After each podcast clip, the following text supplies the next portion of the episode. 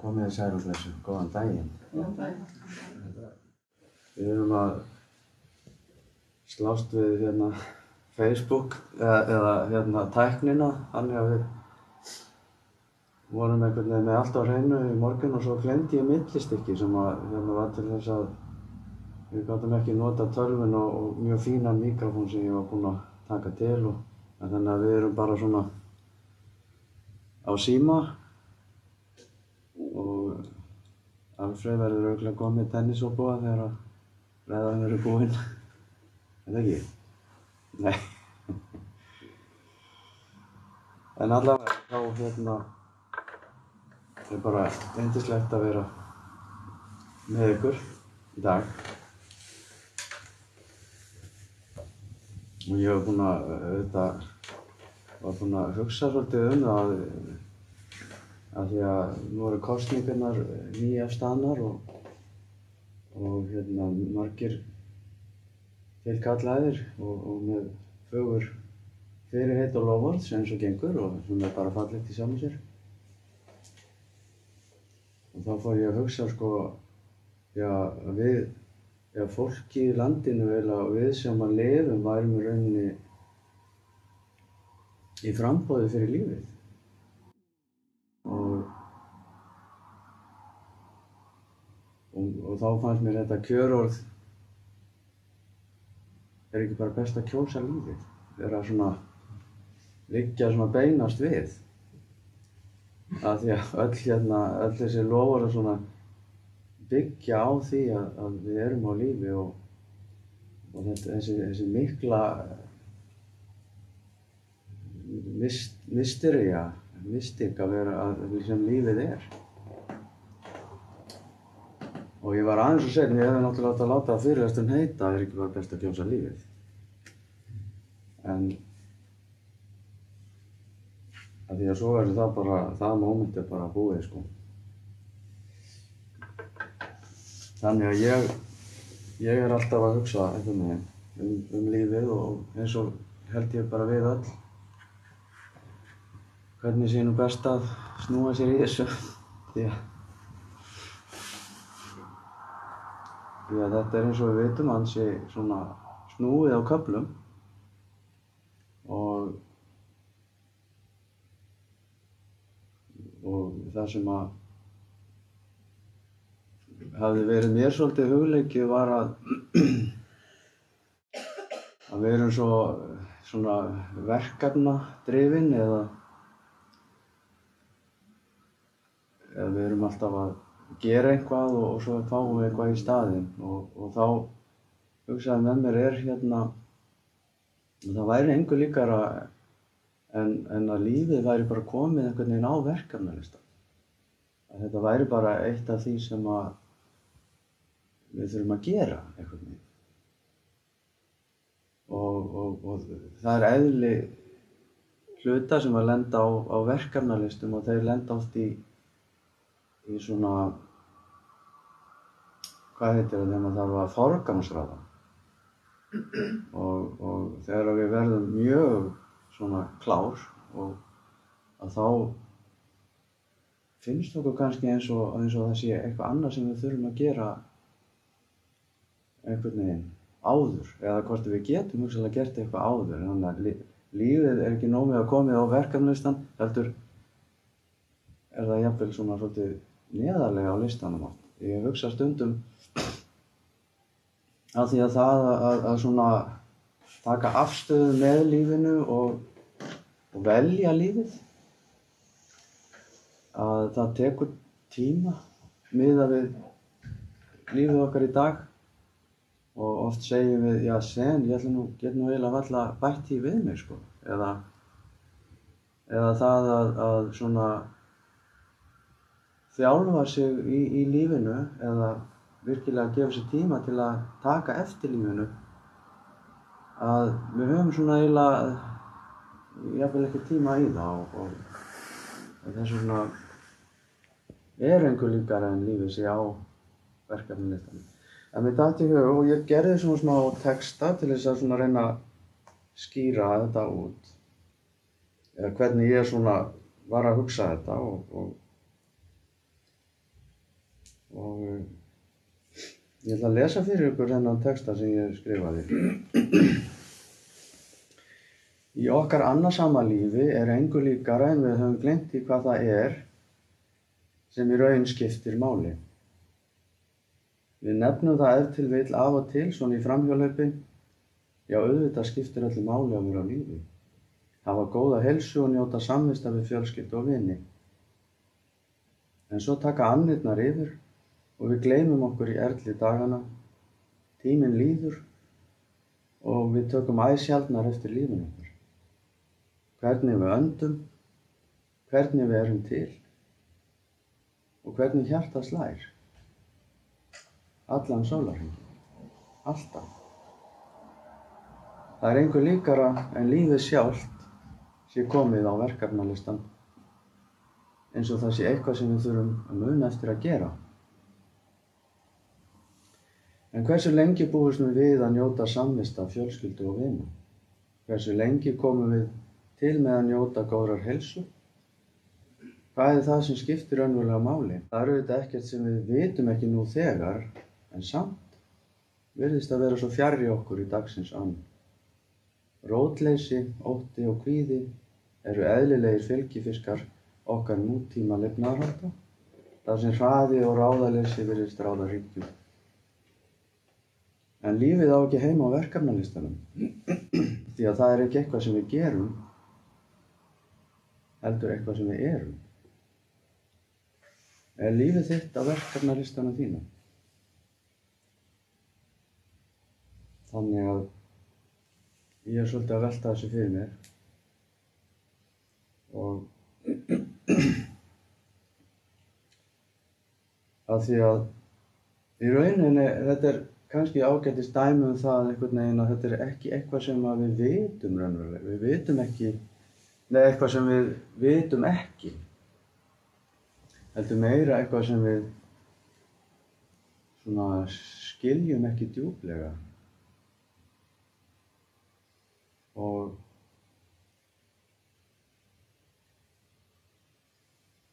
þess vegna fór ég svona að velta þessu fyrir mér og, og skoða og í búddisma er til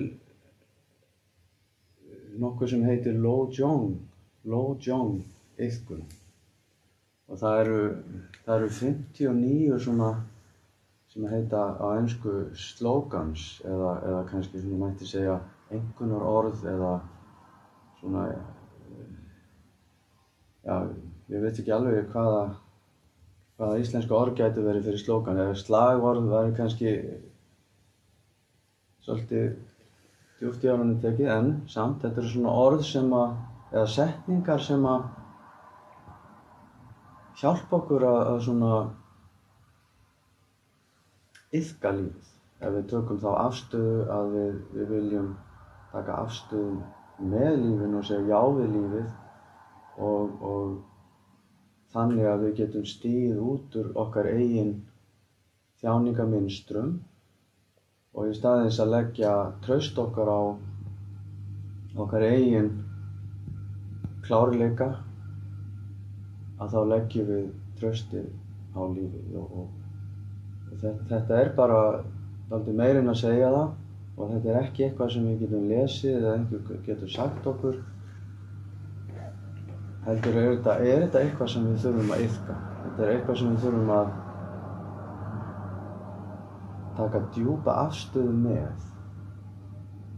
og og við sem að höfum ákveðið að fara taka mjög djúpa afstöðu að það er kallað að lifa í krafti heitstrenginga að taka strengja þess heit að vera með lífinu og hjálpa öðru lífi að vera til. En það er ekki einhver ákvörðun að hjálpa öðru lífi heldur líf í eðli sínu hjálpar öðru lífi. Það vill að líf lifi, líf lifir af lifi, lífi og þegar við stígum út úr svona okkar vanaminstrum að þá tekur svolítið þessi orka við, þessi kraftur sem að er að, að lifa og hjálpa öðru lífi að lifa. Að hjálpa er grundvallaratriði í, í buddhismu. og á þessum í þessum 59 svona einhvernar orðum að þá eru, eru fjögur fyrstu og mér fannst það áhugavert sem er kallað Training in the Preliminaries eða þjálfa sig í, í svona grunnatriðum og, og þeir tala miklu meira um að þjálfa sig heldur en í sen, sen hefur kannski minna talað um að þjálfa sig til þess að ná einhverju fram heldur að sitja með öllu því sem að er þegar til staðar. Þannig að má segja að þetta sé kannski blandast inn í þetta líka svona svona algild afstæð hugsun að við séum í raun að þjálfa okkur. Það er, það er ein leið til að segja það. Þó að dókin hafi ekki tjáðað þannig. Um, en þetta er áhugavert þessi fjögur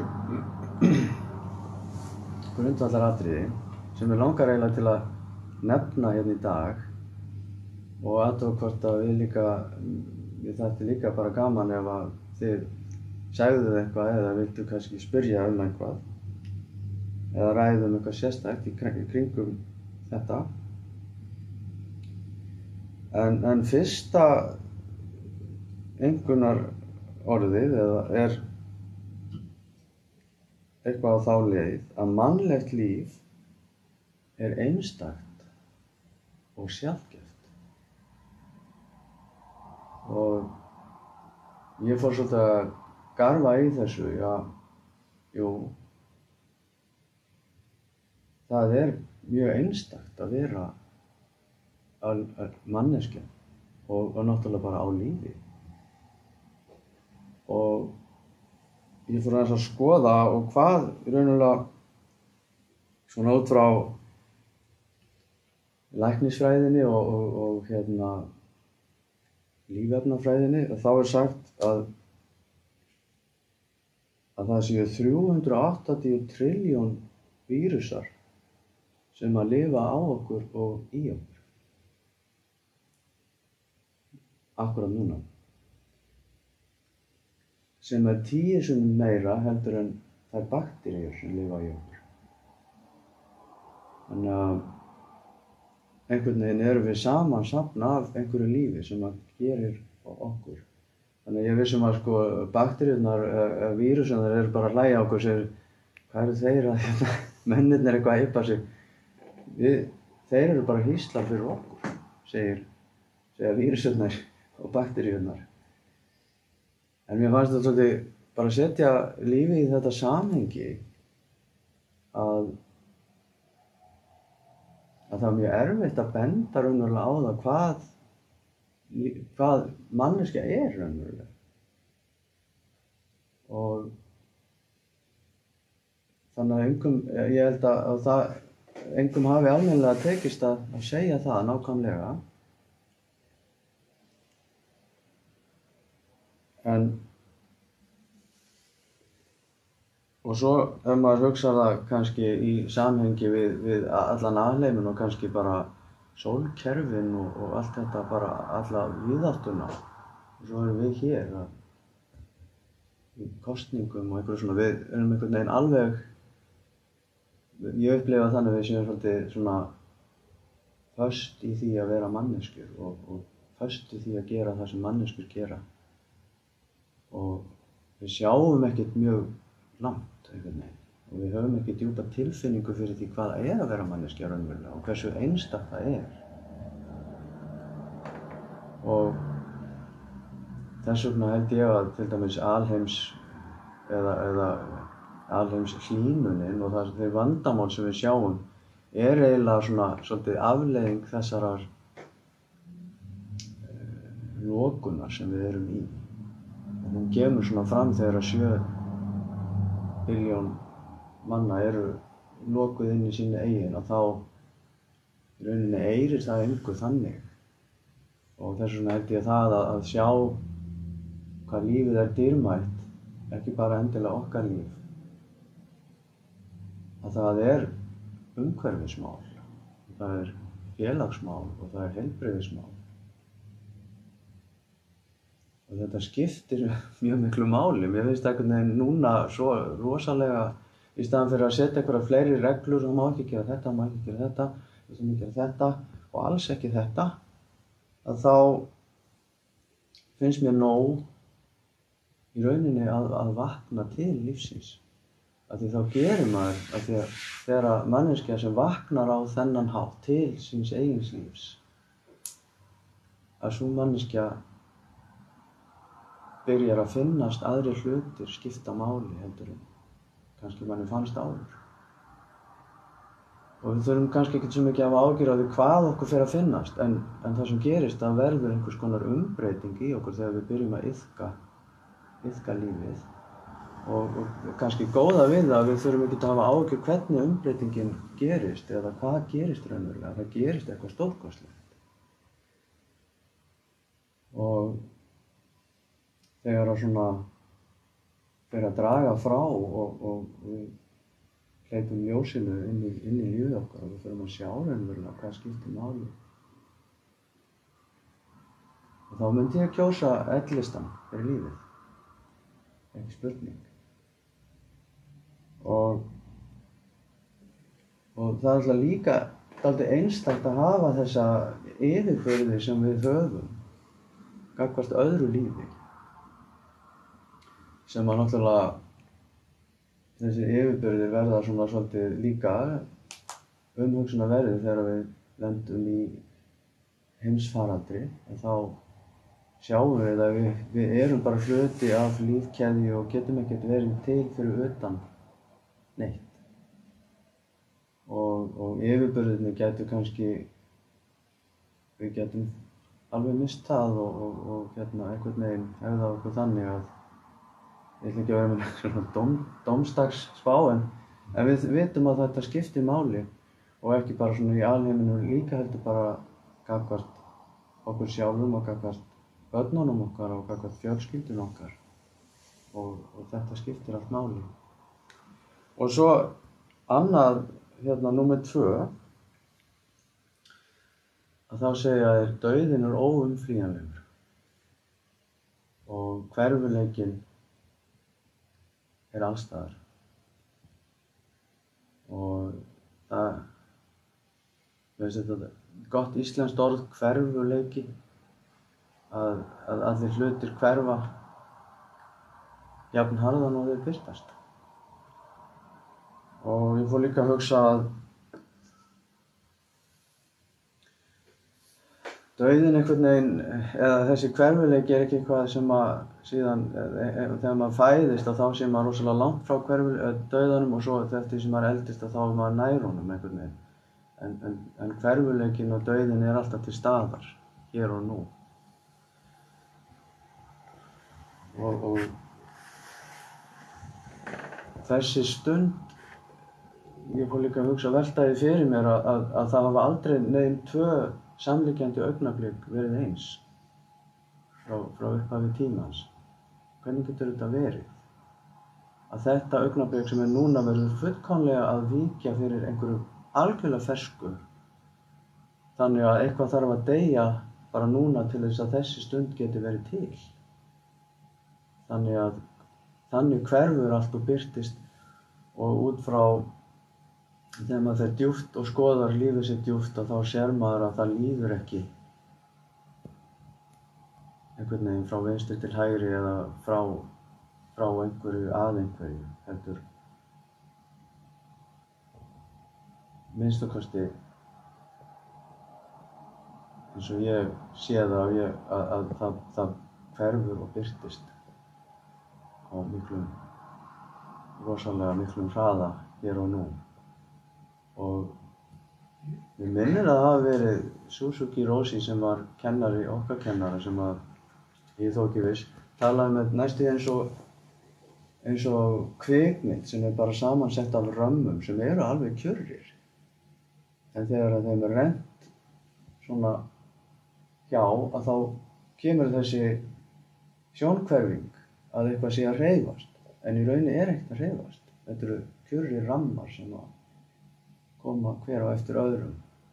Og, og þannig lífið okkar byrstist og hverfur það hratt að að það er eins og við höfum það kemur þessi sjónkverfing að, allt, að við séum eitthvað að reyfast eitthvað að fara eitthvað. En, uh, en það er líka sagt í, í búttismánum að, að lífið sé fullkomlega kyrrt.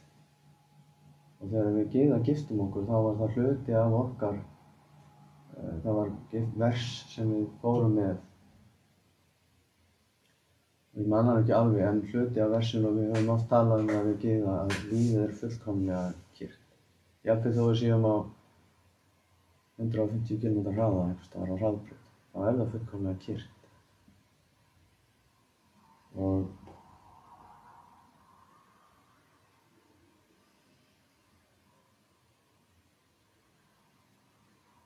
þannig að Og svo er það náttúrulega líka þessi, þessi við höfum þennan huga sem getur skynjað þessa hreyfi, eins og sé eitthvað að hreyfast. Og dauðinn og hverfuleikin er eitthvað sem við tölum ekki mikið um í samfélaginu, við lærum ekkit mikið um hann, en við verðum einhvern veginn vör við hann og þurfum bara að læra svolítið um það sjálf. Börnin okkar, við svona segjum okkur finnst kannski eins og það sé svolítið sjokkerandi. En, en þegar maður fyrir að hverfileikanum þá er það mjög þá er það mjög heilandi raunverulega. Það er mjög, það er mjög mikið frelsun sem maður felst í því einhvern veginn að viðurkenna að við erum ekki eilíf.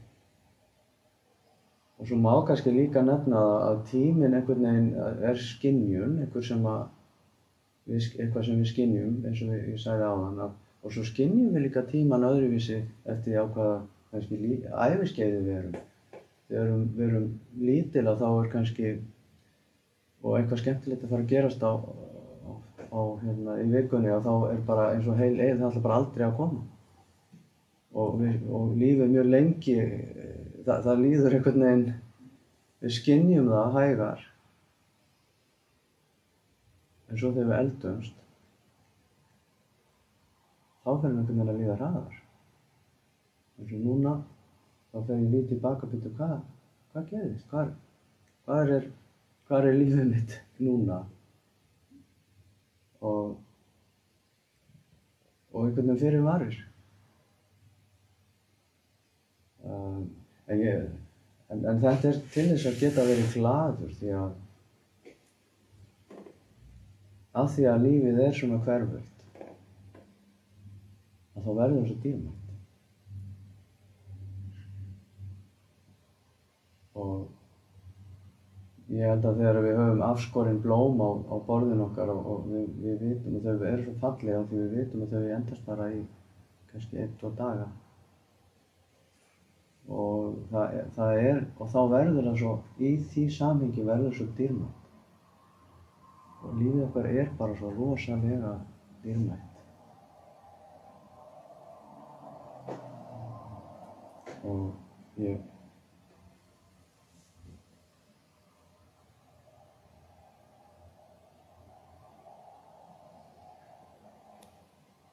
en ég held líka að ok, lífið er dýrmætt og við degjum og allt það. En við ættum samt ekki að taka því allt og alvarlega. Við erum líka og við áttum að deyja eða Ég, ég veit það ekki, það við verðum oft einhvern veginn að voru svo alvarleg þegar við tölum um það, en ég held að það sé bara e- einu tími til þess að gleðjast, að, að geta séð líf í hverfuleika. Ég er oft í þeirri aðstöðu sem organisti og tónlistamæður og ég spila í útförum og er oft mjög nálagt döðanum, ég spila í kistulagningum og ég er oft með sirkjendum og, og þannig að það, þá er það oft nálagt mann líka og, og það er mjög gott ég man alltaf eftir því þegar Geða sagði getur ekki fengið að spila í fleiri jarðarförum af því að kom heim, ég var fyrst kannski fyrir svona 10-15 árum spila í einhverjum jarðarförum og þá kom ég heim svo inspireraður af því að ég hafði séð dauðan einhvern veginn og þá leið mér einhvern veginn allt öðruvísi. En, en síðan er það grunnatriði nummið þrjú og það er karma. Það er hinn stórkostlega hinn stórkostlega áhrif sem allt sem við hugsum, segjum og gerum hefur á allt. Bæði það hvernig við höfum áhrif á allt í kringum okkur og hvernig allt í kringum okkur hefur áhrif á okkur. En karma þýðir uh, uh, gjörð eða já, að gera eða virkni og oft tala um að hver einasta stund sér en afleiðing þeirra sem koma undan og verður um leið orsök einhvers sem kemur á eftir. Þannig að það er að mörgur leiti rétt. Ef ég skelli þessu glasi í gólfi þá er ákveðin afleiðing, það gerist ákveðið og við höfum ákveðina insýn í, í þetta. En þetta er, þarna þarf líka að skoða gjörðunar okkar út frá því í rauninni að þetta er línuleg hugsun, ég ger einhvað núna og svo gerist eitthvað senna. En eins og tölum á hann þá er líka þessi þannig orsök og afleiðingu af því það er engin stund á undan og engin áður, þetta er bara þessi stund að orsök og afleiðing verða að deila þessari stund saman. Það getur ekki verið orsök og afleiðing verða að byrtast á sama tíma. Þau hafa engan annan tíma eða stað til að byrtast á. Þannig að orsök og afleiðing er afstæðið hugsun. En í þessu samhengi að þá getur maður líka, ég einu sinni, já, við getum ekki einu sinni blikkað auganu eða augunum án stöðnings allra, allrar, alls lífs, alls lífs á jörðinni, án stöðnings sólarinnar, án stöðnings reksins, án stöðnings bara alls sem er. Jafnvel til að blikka auga þá þarf ég einhverja orku, ég þarf einhverjar kaloríur og þessar kaloríur er ekki bara einhvern veginn, er ekki bara til inn í mér, ég þarf að sækja það eitthvað, ég þarf að fara til búð og, og sækja það og þannig að einhver þurft að setja, koma matnum út í búði, til staðar í búðin þannig að ég gæti farið út og kipta og svo þurft einhver að, að rækta það og til þess að geta rækta það þá þarf sólinn að vera á regnið og vindurinn og skortýrinn og vírusarnir og bakteríurnar, allt er þetta saman í einu mögnuðu fyrirbreyði sem gerir okkur kleift að blikka auganu og augunum. Þannig að við steyðjum við allt. Og leið gefum við frá okkur líka. Og við steyðjum með því að við með því að við erum til þá styðjum við líka allt. Þannig að við styðjum allt og allt styður okkur. En að sjá lífið á þennan hátt er bara mjög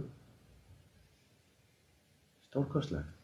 Og, og aftur að þá er þetta heldur ekkert eitthvað sem við vitum ekki því að vísindin hafa líka sagt okkur þetta en við lefum ekki á þennan hátt við lefum svolítið eins og við séum eilíf og, og orðið sjálfbærni fannst mér ekkert vera mjög gamalt orð. Ég, hef ekkert langt síðan ég heyrði það. Ég, kannski er það lengur komið en, en það er ekkert svo langt síðan að við fórum bara að hugsa, heyrðu byttu, hvað, hvað er í gangi? Hvernig erum við að, að lifa? Og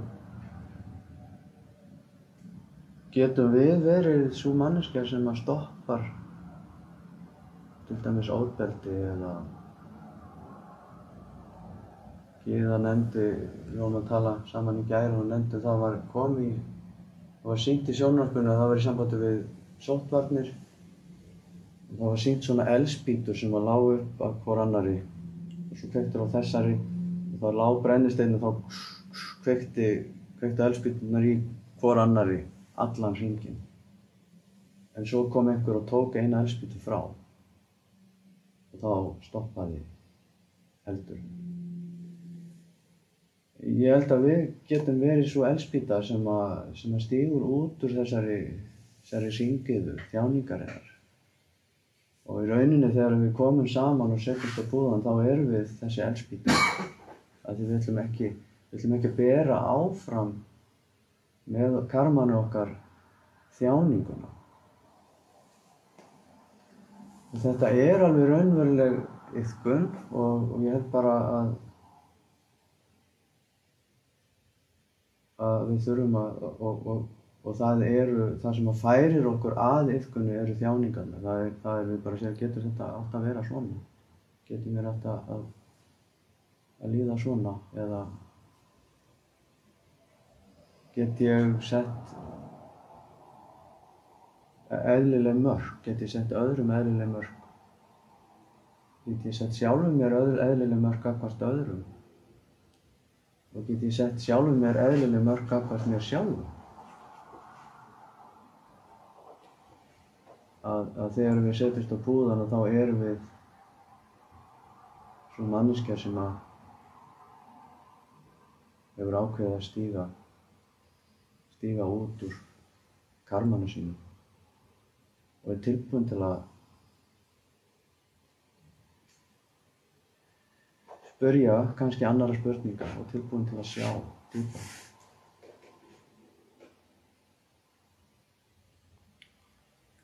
En, en þannig að og svo er það nú með fjögur í þessum grunn atriðum sem er sagt leggja til grundvallar allri yfkun. Það er þjáningin sjálf sem er mennskan okkar. Og ég var með hérna smá sem ég kannski get lesið fyrir ykkur. Því ég, að, ég er alltaf að, að skoða og grúska eitthvað og, og meðal annars að þessi, þessi yfkun er svo, hún kemur eiginlega frá Tíbet. Hún kemur frá, já ég eiginlega bara, svo sem veit ekki alveg hvaðan ljót sjón kemur, kannski frá Kína upprunalega en hún er yfkuð í Tíbet. Og Pema Tjötron er einn ein svona, einn svo flottasti kennari sem að og hefur, hefur, er rosalega góður kennari og mjög, og blæs mér alltaf í brjóst þegar ég les eitthvað sem hún segir. Og hún segir, við byggjum velferð okkar á því að eldast við hamingjuna og forðast erfiðleikana. En það besta sem við getum gert fyrir sjálf okkur og jörðina er að snúa þessari hugsun og kvolf. Og mér finnst það svolítið gott að orða það þannig að snúa því á kvolf því að þetta virkar eins og þetta er, þetta er í staðin þegar það fer rosalega mikil orka í það að sortera það góða frá þessu vonda. Og svo þegar við eitthvað bjátar á við verðum lasin eða, eða kvíðin eða hrætt að þá lítum við á það þannig að það sé eitthvað að. En það er í rauninni ekkert að. Það er mjög eðlilegt að verða hrættur eða kvíðinn og bara finnast maður bara eiginlega ekki geta nánast verið til. Er, þetta er allt hluti af, af því að vera manneskja. En Buddha talaði um setni örina og, og þannig að við getum eftir ekki stjórna því hvað kemur fyrir okkur. Við getum, og við lendum í hinn og þessu og, og En við getum aðeins meira stjórna því hvernig við bregðumst við því. Við getum ekki verið án sársökans því hann kemur bara eins og hann er. En, en við getum, við getum sko, getum breytið viðhorfi okkar gagvart því, gagvart sársökanum. Og að því að búið að tala um setni örin, fyrri örin er það sem að kemur fyrir okkur. Það þarf ekki að vera neitt mikið, það er kannski einhver sem öskrar á okkur eða svínar á okkur eða kemur illa fram við okkur eða, eða við lendum í slísi eða, eða, eða eitthvað. Við veitum, þar við þurfum ekkert að tíunda það því að við veitum nákvæmlega hvernig það er. En setni örin er sem við skjótum sjálf. Setni örin er þegar við samsömmum okkur við að vera fórnalambið eða við nögum okkur í handabökin og, og við sjáum eftir, við lifum í einhvern veginn eftirsjá og, og líka vonustu til að, að hérna vinna í lottóinu. Og, og það er allskyns svona agenda, allskyns svona sem eru með bakið, sem eru að keira okkur svolítið áfram og, og það er sérstakka við af því að þetta er, þegar maður setur hann talað um að, að snúa þessu kvolf. Venjulega reynum við að forðast þetta allt saman og, og oft eru ráðleggingarnar, og ég hef talað um það áður, ráðleggingarnar sem við fáum oft eru, það er, blessa verðstum ekki að hugsa um þetta. Fáðu nú bara einhverja góða bók að lesa eða þú fáður hund eða hérna fara út að labba eða alls einn svona ráð sem öll eru svona og svo koma oft góður ráðinn á milli, ég er ekki að segja það að það er mjög gott að gera allt þetta. En, en, en við erum aðeins oft til þess að, að þurfa ekki að sjá, horfast í augu við það sem að hefur komið fyrir í okkar lífi. Við gerum það til þess að, horfast, að þurfa ekki að horfast í augu við áfellin okkar og, og þjáningun okkar og mennskun okkar og og, og, og það sem að undan hefur gengið og það sem að koma skal og þar með talið hverfuleikan og allt þetta. Þannig að einhvern veginn finnst mér stundum eins og heilt samfélag sé einhvern veginn sammála um það að herðu, við skulum ekkert vera, ekkert vera að pæla í þessu, ekkert vera að horfa á þetta. Þetta er bara, þetta er bara þjáningin og það er, það er heil yðnaður sem að stólar á það að við gerum það heldur ekki það er, það er heill yðnaður sem, sem er svona hamingju yðnaður og meðal annars er það allt þetta í kringum okkur sem er að hjálpa okkur að horfa ekki á þess, það sem við erum og það sem er. Og, og fyrir alla munni ekki horfa, ekki eins og nú dett mér í hug Kari eins og Baktus sem að þeir eru öskruð á Jens ekki gera eins og mamma henn segir Jens. Ég, ég hlustaði mikið á Kari eins og Baktus Þeir vildi alls ekki gera eins og mamma Jens var að segja honum sko. Af því þá það myndi kippa svona fótunum undan þeirra, þeirra tilveru. Svoleiðis að við förum það fram á það eitthvað neginn innst inni að, að lífið sé skemmtilegt og markmiðið er að lifa þjáningarlausu lífi einhvern veginn og, og við styðjum hvort annað í því og heilt samfélag, samfélag manna er svolítið byggt á þessu, finnst mér. Mjög fáir segja, heyrðu, ef við ekki bara setjast niður með þjáningum, bara sjá, hvernig, hvernig er að vera kvíðið? Hvernig er að vera, hvernig líður manni þegar mann er, ég er hrætt? Hvernig tilfinning er það? Hvar finn ég óttan í líkamannum? Hvernig, já, bara hvernig líður mér þegar ég skammast mín? Eða allt, allt þetta sem að það er bara svona eistu brjálega, það þarf að fara í viður. Nei, þetta gengur ekki, við erum ekki að fara, við erum ekki að fara í þetta. Það er alveg að reyna sko og við verðum auðvitað sérfræðingar í því að, að sneiða hjá, hjá þessu. Og það er einhver sem setur á Facebook mikið rosalega líf mér illa með þessu. Ég bara veit ekki hvað ég að gera. Þannig að það, ef maður fer á Facebook þá sér maður Ég er ekki að tala ítla um, þetta er auðvitað bara mann, manneskjöldna og, og það er margt auðvitað gaman að gleyðjast með öðrum og það er bara auðvitað mjög skemmtilegt. En þetta sýnir náttúrulega enga sérstaklega svona raunhafa mynd af manneskjum. En við þurfum kannski svolítið raunhafa mynd af því hvað það er að vera manneskja. Þurfum að vera svolítið tengdar í raunveruleikanum. Þurfum að vera tengdar í lífin okkar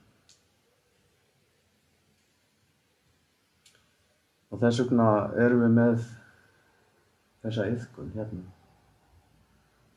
Og hún, hún er þannig, hún er svo fallega því leitinu til að hinga koma manneskir sem hafa byrjað að efast um, um það að það sé rétt að, að reyna að forðast hluti. Eða það sé eitthvað sem að efast um og í, í, í sen litteratúrnum er, er oft talað um um mikla efa, the great doubt. Þegar við, það að fara að koma svona brestir í, veitu hvernig, er, er þetta á þetta að vera svona? Ég er búinn að prófa þetta og þetta og þetta, það er bara, ég skildi ekki bara. Og þá þarf maður að leita, það er þjáningi sem að ítir undir það að við förum að leita og, og við förum að efast um að, að, við, að þetta sé akkurat svona eins og við heldum að þetta væri þetta og eins og okkur var alltaf sagt að þetta væri. Þannig að við setjumst líka á, á, á búðan hérna með efanum, með spurninni og með undruninni þar sem við setjum bara á, vá, hvernig, og við lefum okkur að kvíla í því að bara geta bara ekki sagt hvað þetta nákvæmlega er. Um leið og við erum það. Þannig að við erum að, að þá eiginlega búin að taka lífið út af verkefnalistanum okkar. Af því að við sjáum að, að bara til þess að geta gert verkefnalista yfir höfuð þá þurfum við að vera á lífi. Og það er ekki slæmt að hafa verkefnalista. En ég held bara að lífið er ekki heima á hann. Og, og þegar við komum svona saman að þá komum við öll með, með þessa mennsku sem að komum öll saman sem að við bara við, með okkar hvíðan okkar og óttan okkar og allt þetta og gleðin okkar líka og mennskun okkar. Og við setjumst á búða með öðrum sem að koma eru líka að hugsa sama hluti og þess vegna er það kallað sanga það er fólk svona í, jafnvel, já, í kannski svolítið þröng, þröngri mynd, fólk sem kemur saman og, og er farið að efast og, og er tilbúið að set, setja með lífinu. Og það kallað sanga og þannig við leitum skjóls. Að því við áttum okkur á því að við förum út úr þessu að reyna að forðast og öllum þessum flóknu mynstrum sem við notum til að forðast. Og við bara sleppum, við erum tilbúin til að sleppa og í staðan fyrir að leggja tröst okkar á mynstrin okkar þá leggjum við tröst okkar á lífið. Og við getum ekki gert það einn það er, þess vegna er sanga ein af fjársjóðunum þremur. Það er engin vöknun og engin uppljómun nema fyrir Buddha, Dharma og Sanga Buddha, Dharma og Sanga er bara er ekki aðskilið. Og önnur leið til að segja það er bara að segja bara lífið. Með stóru elli sem inniheldur bæði líf og döð.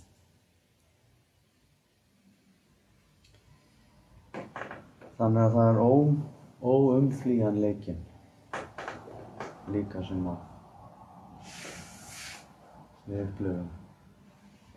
Ég held ég að ég sé bara að þetta voru þessi fjögur atriði. Og ef það er einhver sem að myndi vilja segja eitthvað eða spyrja það einhverju? Þá er það allt í læg, við höfum alveg nokkra mínútur í það. En velta fyrir mér að það sagði að maður var 150 km hraða og það var lífið kyrr já, þegar það er nú að kera 150 km hraða og langa stoppaði og hún sagði, hún sagði hefur þú kyrr allt og hægt svo hún segi, það er bara ekki típun að vera kyrr já, þetta er bara gott dæmi um, um það að auðvitað er lífið bæði afslægt og algjört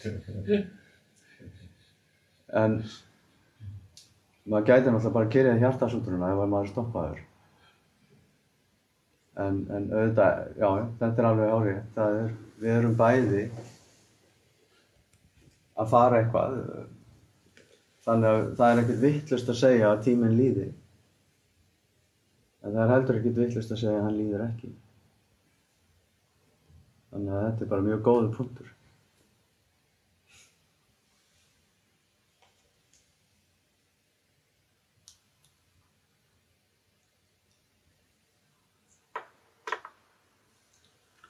Þakka kærlega fyrir. Já, bara sömu leiðis, já, ég þakka ykkur kærlega fyrir að koma og deila þessari stund með mér.